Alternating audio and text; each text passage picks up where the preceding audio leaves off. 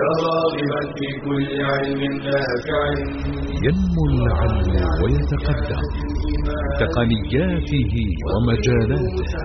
ومعه نطور أدواتنا في تقديم العلم الشرعي. أكاديمية زاد. زاد أكاديمية ينبوعها. صاف صاف ليروي غلة الظمآن والسيرة العلياء عطرة الشذا طيب يفوح لأهل كل زمان. بشرى لنا زاد أكاديمية للعلم كالأزهار في البستان. بسم الله الرحمن الرحيم.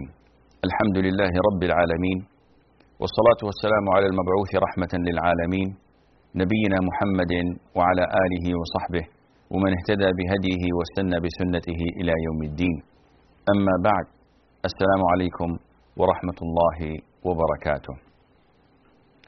عندما تآمر المشركون على قتل النبي عليه الصلاة والسلام الله عز وجل هو الحافظ والله يعصمك من الناس. أوحى إلى نبيه عليه الصلاة والسلام بأنه قد حان أوان الهجرة.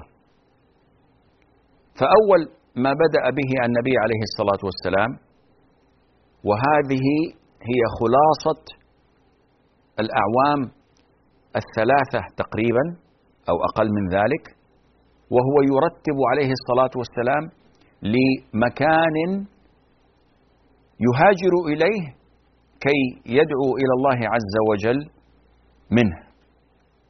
فالمدينة هي ما أوحي إلى الرسول عليه الصلاة والسلام أنه سيكون مهاجرة.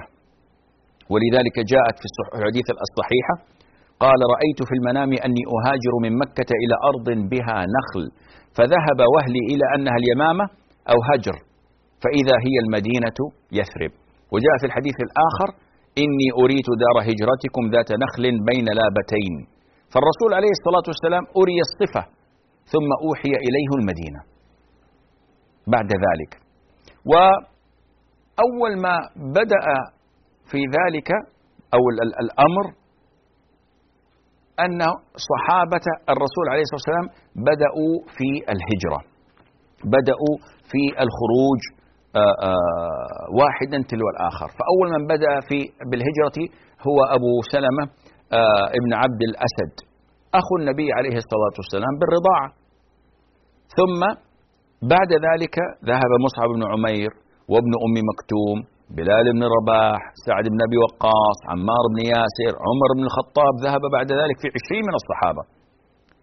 فأصبحت قريش تحس بوطأة هذه الهجرة وأصبحت تحس بأن مكة بدأت يعني تفرغ من من فيها.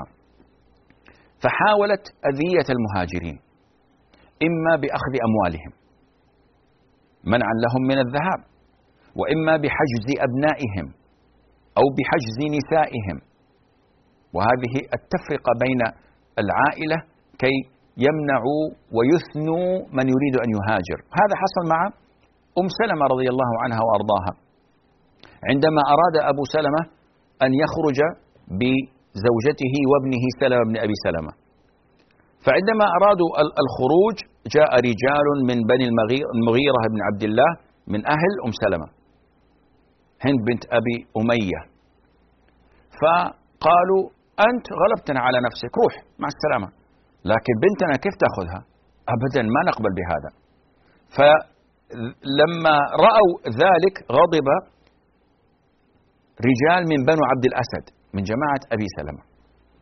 فقالوا لا والله لا نترك ابننا عندها إذ نزعتموها من صاحبنا.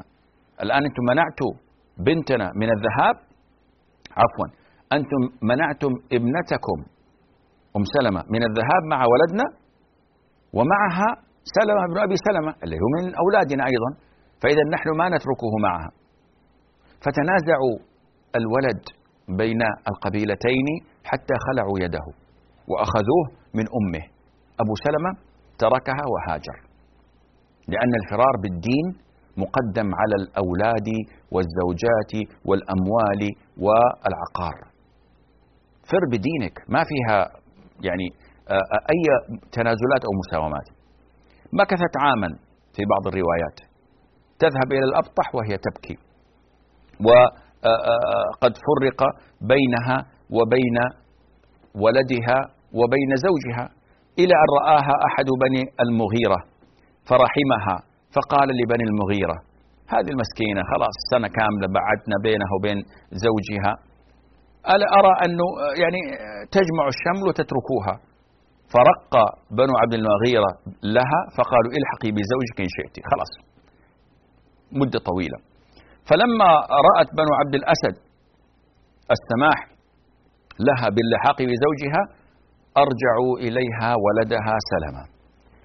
فارتحلت بعيرها ما عندها أحد مسافة أربعة أيام أو ثلاثة أيام بين مكة والمدينة.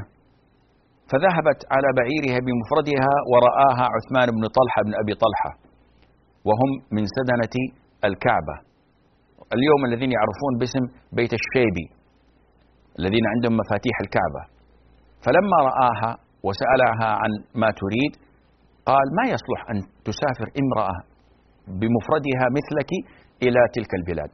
فصحبها لما فيه من نخوة ومروءة ورجولة. وتقول ما صحبت رجلا من العرب قط أرى أنه كان أكرم من عثمان. كان إذا بلغ المنزل أناخ بي يعني إذا كان في توقف للراحة أو للطعام أو كذا أناخ الناقة وتأخر أعطاني ظهره حتى أنزل فإذا أراد أن يواصل السير فعل نفس الأمر وتأخر وأدار ظهره كي لا ينظر ولا يرى منها ما يسوءها ولم يكلمها أخذها إلى أن وصل المدينة. ما هو من ال ال ال ال ال الكلام والوناسة والاختلاط؟ أبدا. رجل من أشراف ومن العرب الذين فيهم الرجولة والمروءة والشهامة. يقول حتى وصلنا إلى قرية بني عمرو بن عوف بقبى قال لها زوجك في هذه القرية؟ وكان أبو سلمة نازلا فيها قال فادخليها على بركة الله وقفل راجعا. ما دخل ينتظر جزاء أو شكورا أو يرتاح. رجع إلى مكة ولا ولم يضف إلى ذلك شيئا.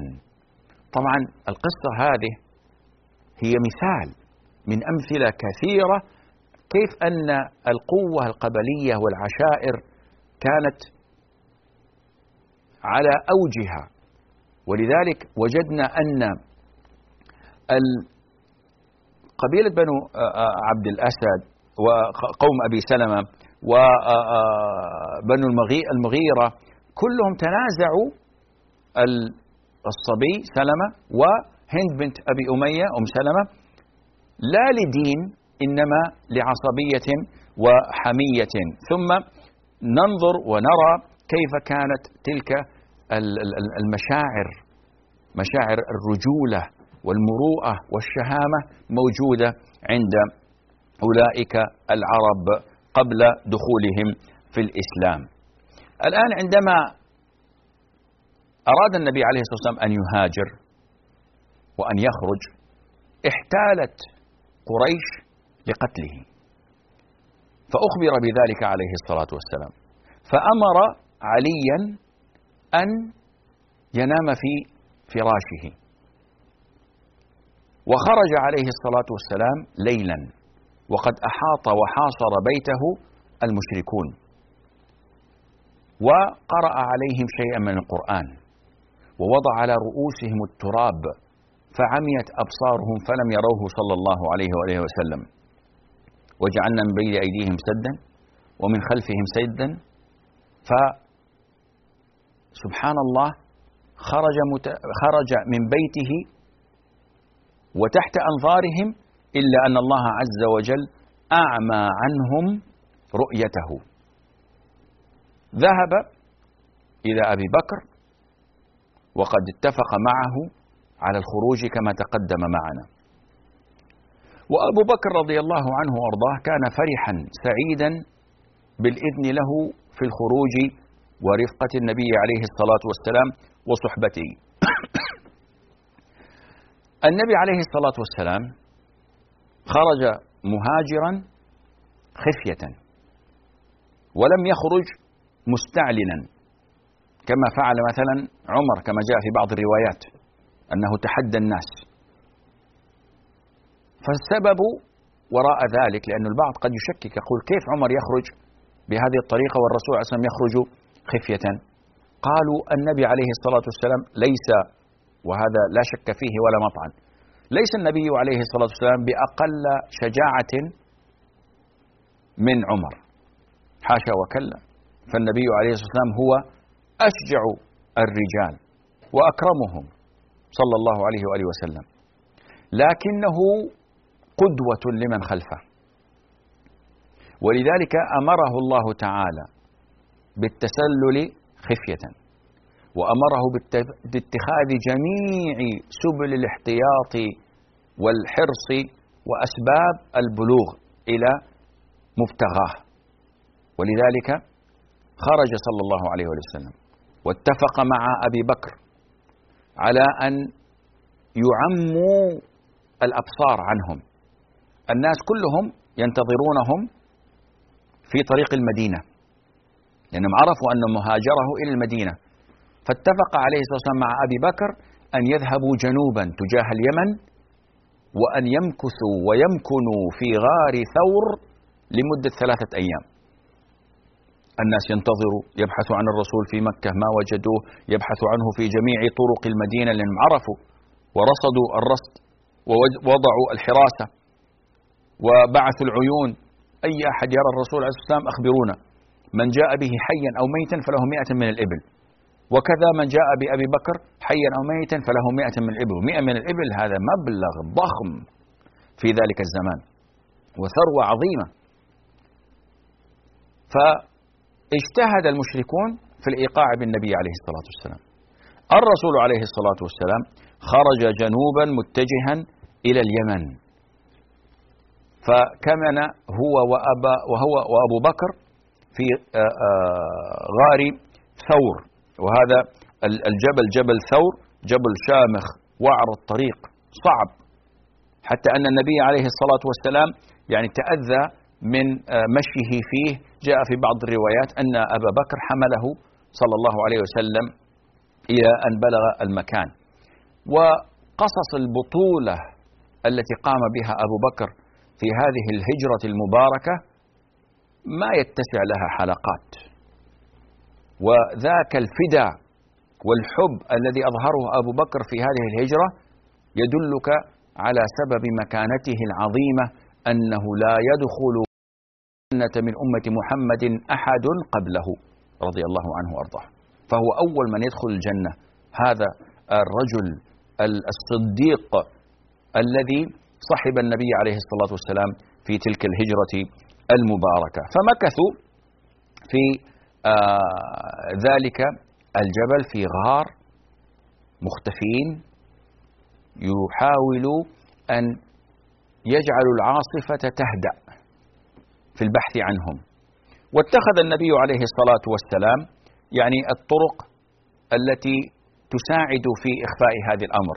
فكان عبد الله بن أبي بكر وهو غلام شاب عاقل ثقف لقن يذهب إليهم بسحر فيصبح من قريش بمكة كبائت كأنه يعني يبات في مكة ثم يذهب إلى النبي عليه الصلاة والسلام وإلى أبي بكر وقد وعى كل ما يحاط أو كل ما يكاد يسمع من هنا ومن هنا الأخبار ثم يذهب بالأخبار إلى أبي بكر وإلى النبي صلى الله عليه وآله وسلم بينما مولى لأبي بكر هو عامر بن فهيرة يأتي بغنم كأنه يرعى الغنم ثم يذهب لهما في الصباح بالمساء بشيء من اللبن يتقوى به.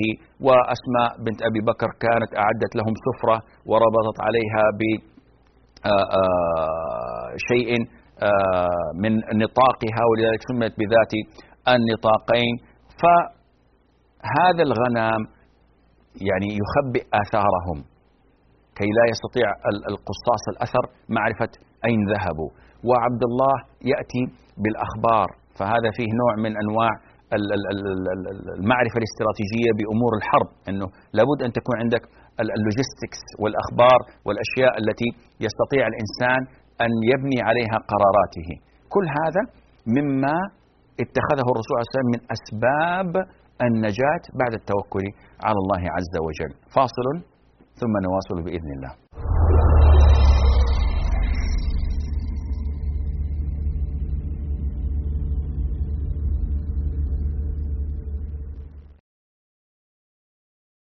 قد خلت من قبلكم سنن فسيروا في الأرض فانظروا كيف كان عاقبة المكذبين.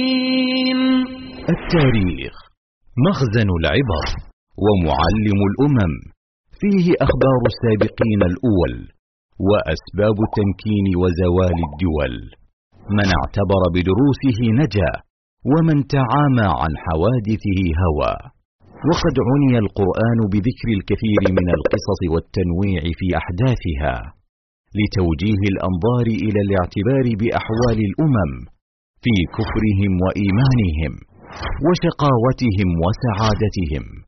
فلا شيء يهدي الإنسان كالمثولات والوقائع. قال تعالى فاقصص القصص لعلهم يتفكرون. ومن هنا ينجلي للعاقل أهمية العلم بالتاريخ وعلو شأنه. فإذا نظر الإنسان إلى أحوال الأمم السالفة وأسباب قوتهم وضعفهم وعزهم وذلهم حمله ذلك على حسن الأسوة والاقتداء بأسباب السعادة والتمكين واجتناب ما كان من أسباب الشقاوة والهلاك والتدمير وأن التحولات في أحوال الأمم من رخاء إلى شدة ومن شدة إلى رخاء. إنما هو من جراء أعمال العباد قال الله تعالى إن الله لا يغير ما بقوم حتى يغيروا ما بأنفسهم. فمن فوائد وثمرات دراسة التاريخ الإحاطة بالتطبيق العملي للإسلام وذلك من خلال السيرة النبوية. العلم بأن الأمة مكلفة بهدف عظيم وهو عمارة الأرض. بمنهج الله تعالى. العلم بأعداء الأمة والعلم بطبيعة الصراع بين الحق والباطل. فهم الحاضر لأن الحاضر جزء من الماضي. فمن لم يعتبر بماضيه لن ينتفع بحاضره.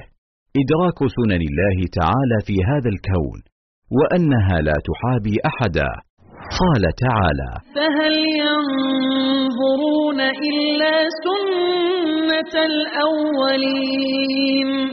فلن تجد لسنة الله تبديلا. ولن تجد لسنة الله تحويلا.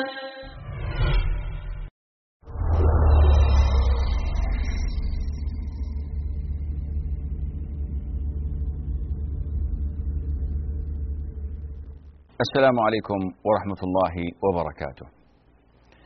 الآن مسألة الهجرة ليست مسألة هينة سهلة. أنت في في صحراء مترامية الأطراف. أنت بين جبال شامخة ووديان سحيقة وأماكن يضيع فيها الذي ليس من أهلها. لا يوجد عندهم Google Maps مثلا. ما يوجد GPS فكيف يستطيع النبي عليه الصلاة والسلام أن يعرف الطريق؟ قد يقول الإنسان هذا نبي يوحى إليه. يخرج والله عز وجل يريه الطريق.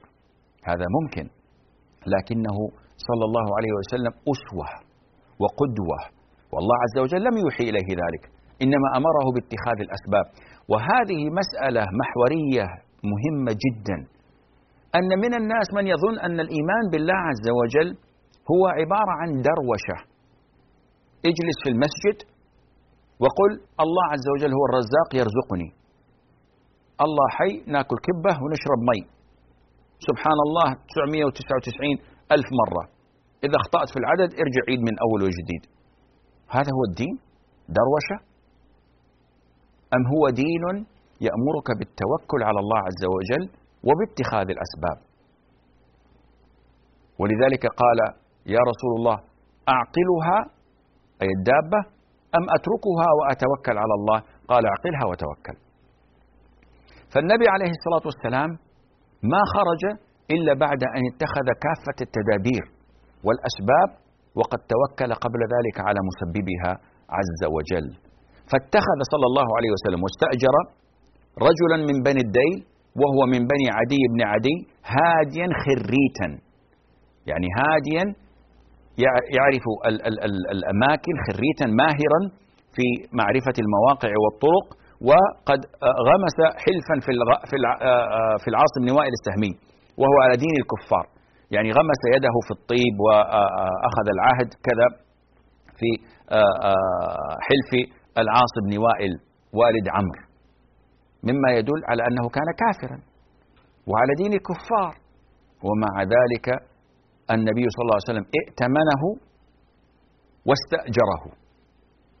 وفي هذا جواز استئجار واستخدام الكافر. وقد فعل ذلك النبي صلى الله عليه وآله وسلم. وواعداه عند غار ثور بعد ثلاث ليال براحلتيهما. فاذا اتفق مع هذا وهو في مكة إنه إحنا حنخرج على رجولنا. بعد ثلاثة أيام تأتي بالراحلتين اللي أنت مخبيها إحنا مخبينها عندك وقد جعلناها لديك وديعة تأتي بها إلى غار ثور ومن هنالك ننطلق. الرس... النبي عليه الصلاه والسلام عندما خرج ربما احتاج إلى نفقة. أبو بكر رضي الله عنه وأرضاه لم يجعل لذلك يعني حاجة. فخرج بجميع ثورته بجميع ثروته. ولذلك أسماء بنت أبي بكر بعد الهجرة عندما جاء أبو أبي بكر أبو قحافة رضي الله عنه وقد عمي بصره فقال يا بني ماذا ترك لكم أبوكم؟ فجاءت بكيس فيه حجارة. فجعل يتحسس وتقول ترك لنا مالا وفيرا يا جدة. فتحسس الكيس فرأى الحجارة فظنها دنانير. وهو في الواقع لم يترك شيئا. أخذ ماله كله لنصرة الإسلام ولنصرة النبي عليه الصلاة والسلام. بطريقة أو بأخرى فطنت قريش إلى خطة النبي عليه الصلاة والسلام. وكأنهم اقتفوا أثر عبد الله عامر أثر عامر بن فهيرة ما ندري. لكنهم وصلوا إلى الغار. والرسول عليه الصلاة والسلام وصاحبه معه في الغار. حتى أن أبا بكر قال يا رسول الله لو نظر أحدهم تحت قدميه لرآنا. إحنا في مصيبة إحنا في ورطة. والرسول عليه الصلاة والسلام يقول له أسكت أبا بكر. اثنان الله ثالثهما. يعني ما ظنك باثنين الله عز وجل معهم يحميهم. وينصرهم. ولذا قال عز من قائل إلا تنصروه فقد نصره الله. إذ أخرجه الذين كفروا. ثاني اثنين إذ هما في الغار إذ يقول لصاحبه لا تحزن إن الله معنا. اذا هذه آية من أعظم الأدلة على مكانة أبي بكر رضي الله عنه وأرضاه. لأن لأن الله تعالى وصفه في سورة التوبة وصف بأنه صاه. فكل من يطعن في صحبة أبي بكر رضي الله عنه أو ينال منه أو يتهمه بالنفاق أو يتهمه بالردة فهو كافر مغموس في النفاق وفي الكفر. ولو كان دكتورا أو تورا بدون دك ولو كان عالما أو ولا يوجد عالم. لا يمكن أن يوجد عالم من أهل السنة والجماعة يرضى أن ينال أحد بظفر من أظفاره رضي الله عنه وأرضاه. فقال يا أبا بكر أسكت. اثنان ما ظنك باثنين؟ الله عز وجل ثالثهما. جاءت روايات ضعيفة وفي بعضها قابل للتحسين أن الله عز وجل أمر العنكبوت فنسجت بيتها على فم الغار وأمر حمامتين وحشيتين فجعلتا العش بما فيه من بيض على فم الغار وأن الله أنبت شجرة. فحتى أن المشركين قالوا لا يمكن أن يكون في هذا الغار أحد وكل هذه الأدلة موجودة. هذه أحاديث وروايات موجودة في السيرة. أسانيدها ليست بذاك آه، آه، القوة بتلك القوة لكنها من الأحاديث التي يعني آه، نرويها استئناسا بها وليس فيها حكم شرعي أو أمر عقدي يعني يعول عليه. عندما خرج بعد ذلك جاءت قصص عظيمة في محبة أبي بكر للنبي عليه الصلاة والسلام وكيف أنه عرض حياته للخطر عندما كان النبي متعبا عليه الصلاة والسلام هما في الغار ووضع رأسه على فخذ أبي بكر وأبو بكر ينظر في الغار وإذ به مليء بالثقوب وبالجحور فجعل يضع قدميه يسد ما استطاع من هذه الجحور ويديه وأصابعه وهو يلدغ منها. من عقارب ومن ثعابين والألم يعتصره ومع ذلك لا يتحرك إلى أن سقطت دموعه على وجه النبي صلى الله عليه وسلم النائم. فلما استيقظ ورأى ما بأبي بكر من ألم تعجب عليه الصلاة والسلام وعرف لهذا الرجل قدره ومحبته وإشفاقه على الرسول صلى الله عليه وسلم. مر على راع فطلبا منه الطعام فلم يجدا عنده إلا شاة لم ينزو عليها آه، فحل فمسح ضرعها عليه الصلاة والسلام وحلب وشرب هو وأبو بكر والراعي.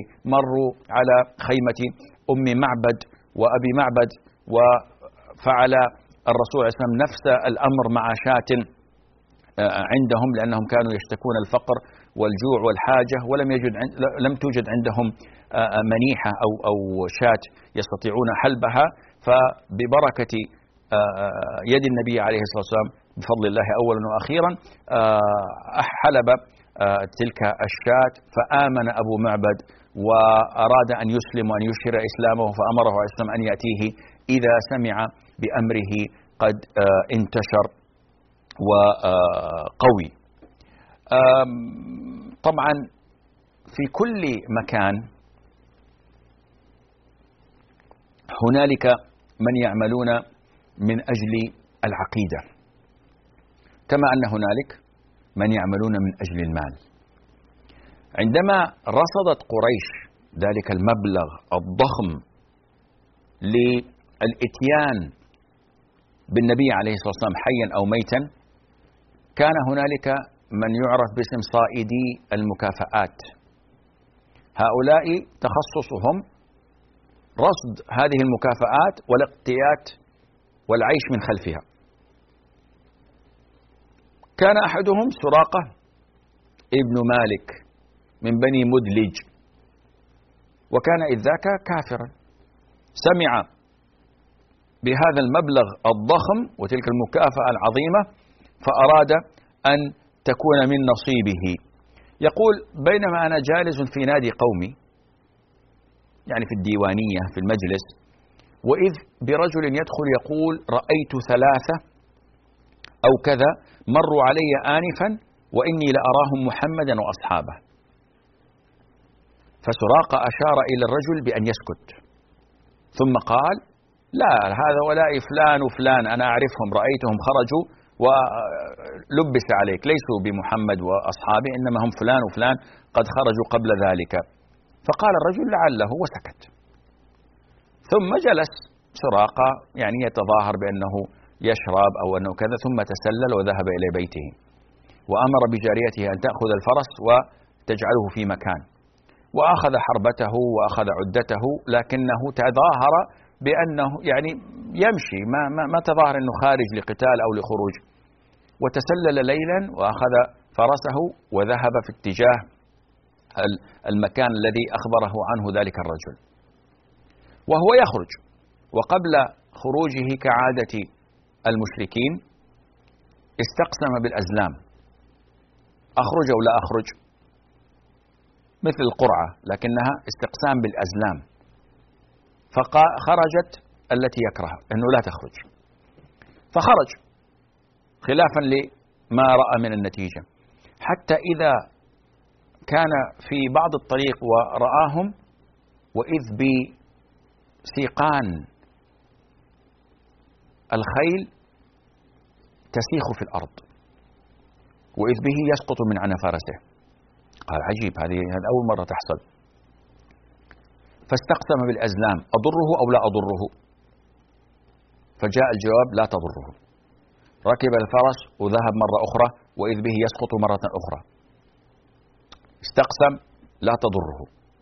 خرج في المرة الثالثة فإذ به يرى دخان وريح وتسيخ أقدام الفرس في الأرض. فعرف أن أنه لن يستطيع الوصول إلى النبي عليه الصلاة والسلام فناداهم وأعطاهم الأمان وطلب منهم أن يتوقفوا. فتوقف الرسول عليه الصلاة والسلام. طبعا أبو بكر كان ينظر خلفه ويقول يا رسول الله الركب خلفنا. يعني في ورانا الناس من من يطردون خلفنا. والنبي عليه الصلاة والسلام يهدئ من روعه ويقول الله عز وجل معنا الله ثالثنا سبحانه وتعالى. فماذا أراد سراقة؟ عندما استوقف النبي عليه الصلاة والسلام وأبا بكر. هذا ما سوف نعرفه إن شاء الله بعد الفاصل فابقوا معنا.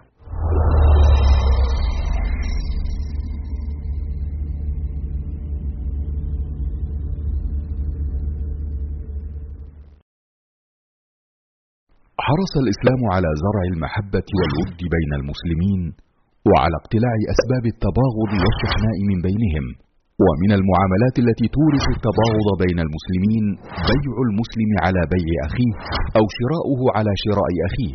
لذلك نهى عنها الرسول صلى الله عليه وسلم فقال لا يبع بعضكم على بيع أخيه والشراء مثل البيع فيحرم شراء المسلم على شراء أخيه ومثال البيع على البيع اشترى زيد من عمرو سيارة بعشرة آلاف فذهب رجل إلى زيد وقال له أنا أعطيك مثلها بتسعة أو أعطيك أحسن منها بعشرة أو أبيعك مثلها بعشرة فهذا بيع على بيع المسلم لا يحل.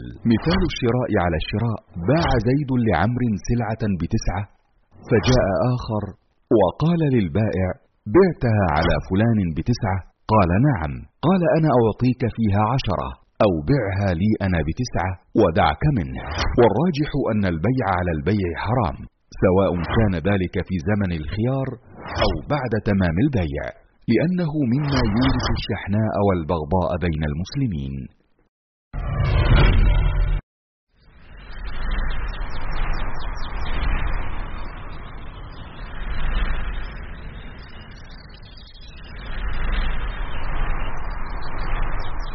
كثرة أسئلة الطفل دليل نجابة وذكاء وهي من خصائص مرحلة الطفولة وينبغي منا تجاهها استقبالها بالترحيب والاهتمام والتشجيع والثناء. الإصغاء إليها بتقدير واحترام استغلالها في تنمية ذكائه. الإجابة عليها بلغة بسيطة ودقيقة ومقنعة ومناسبة لتفكير الطفل حتى يستوعبها.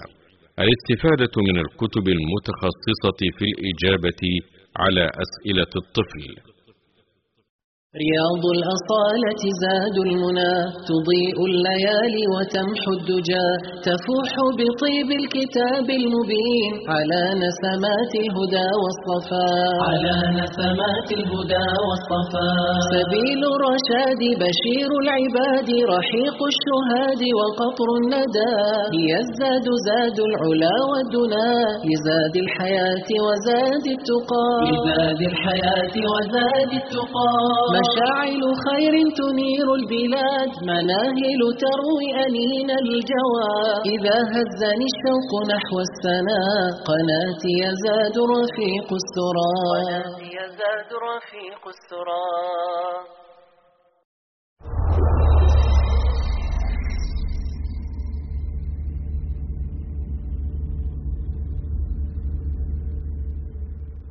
السلام عليكم. ورحمة الله وبركاته. سراقة بن مالك رضي الله عنه وأرضاه وكان اذ ذاك مشركا قال بعد أن نادى النبي عليه الصلاة والسلام وأبا بكر أن يتوقفا قال أنظروني أكلمكم فوالله لا أريكم أو لا أريبكم ولا يأتيكم مني شيء تكرهونه. وقفوا وبتكلم معاكم كلمتين. قال فقال عليه الصلاة والسلام قل له وما تبتغي منا. قال لي ذلك. أبو بكر فقلت تكتب لي كتابا يكون آية بيني وبينك. يعني الآن أنا آمنت أنك أنت نبي الله عليه الصلاة والسلام. لا يمكن أن أحد يمتنع مني بمثل هذه الطريقة إلا أن يكون نبيا مرسلا. فأمر عامر بن فهيرة فكتب له هذا الكتاب على ورقة أو على قطعة جلد وأخبأها عنده وجعلها في كنانته و سأل النبي عليه الصلاة والسلام أن يوصيه فقال له أخفي عنا يعني عم الأبصار. خلي الناس يظنوا أننا في اتجاه ونحن في الاتجاه الآخر. فسبحان الله. كيف كان في أول النهار؟ حربا على النبي عليه الصلاة والسلام وراغبا في أذيته والقبض عليه ثم إذ به في آخر النهار يصبح مسلمة له ودفاعا عن النبي صلى الله عليه وآله وسلم. ويعني سراقه هذا أمره عجيب. جاء في بعض الروايات لكن أسانيدها ضعيفة. أن الرسول عليه الصلاة والسلام قال له يا سراقه كيف بك؟ وإذ أنت تلبس سواري كسرى. يقول سراقه فتعجبت. يعني إحنا الآن هذا رجل مطارد من قريش وهي أعظم قبائل الدنيا. وهو مطارد هارب فار بنفسه ودينه. ثم يتو يعني يعدني أنا. سراقه أعرابي. ومن أنا؟ يعدني بسواري كسرى. هذا شيء لا يصدق مطلقا. وسبحان الخالق عز وجل. الذي يوحي إلى نبيه ما شاء. في عهد عمر بعد ذلك بسنوات. وهذه قصة ثابتة.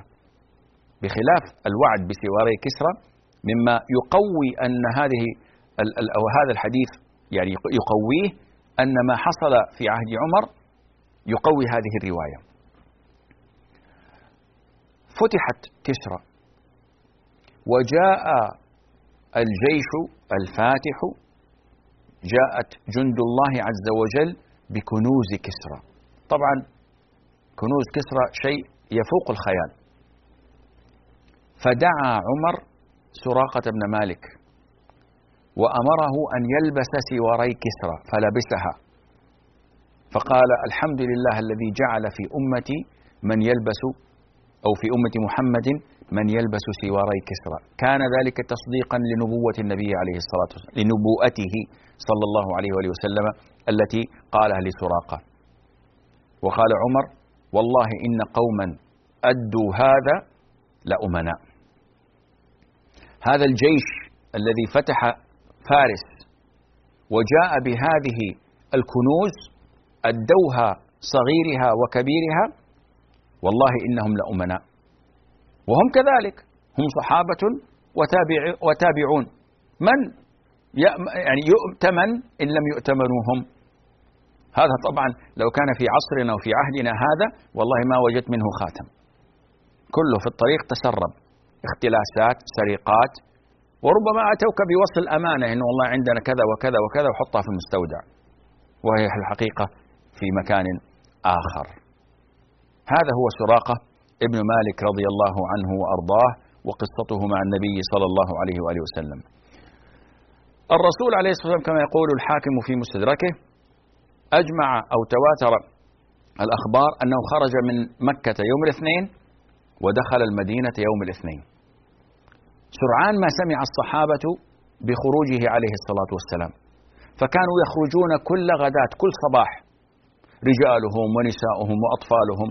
إلى الحرة في مدخل المدينة يترقبون وصول الرسول عليه الصلاة والسلام. فإذا اشتد عليهم حر الظهيرة رجعوا.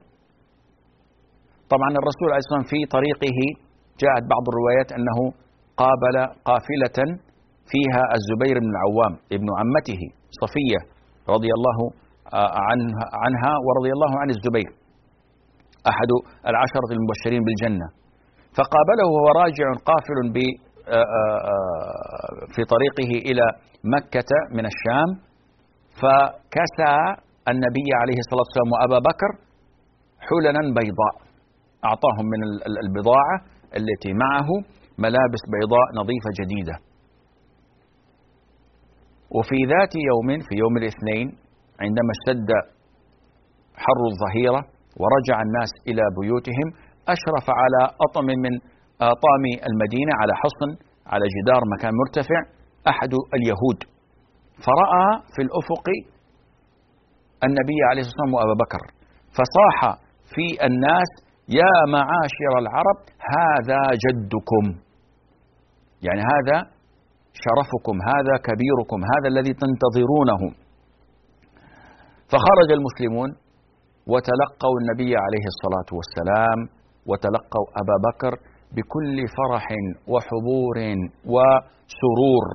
ولذلك جاء عن آه، البراء بن عازب إن لم آه، تخن الذاكرة أنه عندما دخل النبي صلى الله عليه وآله وسلم فرح أهل المدينة وأحاطوا بالنبي صلى الله عليه وآله وسلم. وقال البراء ما رأيت أهل المدينة فرحوا بشيء فرحهم بالنبي صلى الله عليه وآله وسلم. طبعا غالبية أهل المدينة وإلا هنالك المنافقين هنالك المنافقون وهنالك اليهود وهنالك المشركون الذين ما أسلموا بعد لكن غالبية أهل المدينة قد أسلموا. فخرجوا لاستقبال الرسول عليه الصلاة والسلام. وكان الرسول جالسا وأبا بكر قائما. وكان الناس يظنون أن أبا بكر هو النبي. فكانوا يرحبون به ويحيونه حتى إذا رأى أبا بكر أن الشمس قد جاءت في وجه النبي عليه الصلاة والسلام وقف كي يستظل الرسول عليه الصلاة والسلام بظله عرفوا أن النبي عليه الصلاة والسلام هو الذي جالس. طبعا هنالك روايات تدعي أن الصحابة والنساء والأطفال غنوا ونشدوا للنبي عليه الصلاة والسلام طلع البدر علينا من ثنيات الوداع إلى آخر الأنشودة المعروفة المنتشرة والعلماء المحققون قالوا إن هذه الحادثة غير صحيحة إذ لا يعقل أن تخرج النساء فتنشد وتغني هذا خلاف تعاليم الإسلام وخلاف ما كان العرب يرتضونه لنسائهم. ما يرضى ما يرضى العربي الحر أن تخرج امرأته وهي عرضه وشرفه بمثل هذا هذه الطريقة كما هو حاصل الآن عندما ذهبت الأعراض والأشراف من بعض الناس نسأل الله العافية والسلامة. أضف إلى ذلك أن ثنيات الوداع كما يقول أهل التحقيق وأظن هذا ذكره آه، الحافظ ابن القيم رحمه الله في زاد المعاد قال إن ثنية الوداع هذه من ناحية الشام والرسول عليه الصلاة والسلام أي من الشمال شمال المدينة. والنبي عليه الصلاة والسلام أتى من الجنوب من ناحية مكة. فلا يعقل أن يكون قد دار هذه المسافة كلها و آه، الوداع ليدخل منها خلاف الصحيح. وفرح المسلمون وحيوا النبي عليه الصلاة والسلام بتحية الإسلام وأكرموه. مكث صلى الله عليه وآله وسلم في قبى تقريبا قرابة الأسبوعين. في قباء في بني عمرو بن عوف يعني في خيمة مكث فيها عليه الصلاة والسلام في هذه المنطقة قرابة الأربع عشرة ليلة. وأسس هنالك مسجد قباء. ثم لما عزم أن يدخل إلى المدينة دعا زعماء بني النجار أخواله صلى الله عليه وآله وسلم أو إن شئت قلت أخوال أبيه. ولكنهم يسمون بأنهم أخوال النبي عليه الصلاة والسلام يعني تنزلا ولا هم أخوال أبيه في الواقع. فجاء الزعماء من بني النجار متقلدين سيوفهم. لكي يدخل عليه الصلاة والسلام دخولا يليق بهذا النبي صلى الله عليه وآله وسلم. وهذا يعني فيه فوائد أن الرسول صلى الله عليه وسلم سيدخل على مدينة جديدة فيها من اليهود فيها من المشركين فيها من المنافقين. فكان لزاما أن يدخل بهيبة وبقوة وبعزة ومنعة حتى أن الذي في قلبه مرض يضطر إلى كبت هذا المرض. لما يرى من قوة. جاءت روايات أن الذين استقبلوه كانوا 500 من الأنصار أحاطوا بالنبي عليه الصلاة والسلام وبأبي بكر ودخلوا في موكب مهيب إلى المدينة. ولما آه، دخل عليه الصلاة والسلام كان كل من في المدينة ينادون يا محمد يا رسول الله يا محمد يا رسول الله. طبعا كلما مر عليه والسلام ببيت أخذ أهل البيت بخطام الناقة كي ينزل الرسول صلى الله عليه وآله وسلم ضيفا. ومن هو أكرم ضيف ضيفا من النبي عليه الصلاة والسلام. كل الكل يسعى إلى هذا الشرف. فالرسول يقول لهم دعوها أو دعوا الناقة فإنها مأمورة. فذهبت وبركت على بيت أو على باب بيت أبي أيوب الأنصاري رضي الله عنه وأكرمه الله وأسعده. فنزل عنده وكان له بيت من طابقين فنزل الرسول عليه السلام في الطابق الأرضي وأبو أبو أيوب وزوجه في الطابق الأعلى وكان يستثقل ذلك. فكيف يكون أعلى من النبي عليه الصلاة والسلام؟ إلا أن الرسول أمره عليه الصلاة والسلام بالبقاء كما هو لأنه هذا أهون عليه وأيسر في دخول ضيوفه وخروجهم. بينما لو كان في الطابق الثاني سوف يؤذي أبا أيوب وأهله عندما يأتيه الضيوف. ومكث عند أبي أيوب الأنصاري ضيفا إلى أن تم بناء المسجد النبوي وانتقال الرسول عليه الصلاة والسلام إلى بيوته هناك وهذا ما سوف نتحدث عنه إن شاء الله عز وجل وقدر في الحلقة أو في الدرس القادم. فإلى ذلك الحين أترككم في أمان الله والسلام عليكم ورحمة الله وبركاته. يا راغبا في كل علم نافع متطلعا لزيادة الإيمان وتريد سهلا النوال ميسرا يأتيك ميسورا بأي مكان. زاد زاد أكاديمية ينبوعها صاف صاف ليروي غلة الظمآن والسيرة العلياء عطرة الشذا طيب يفوح لأهل كل زمان. بشرى لنا ذات أكاديمية للعلم كالأزهار في البستان.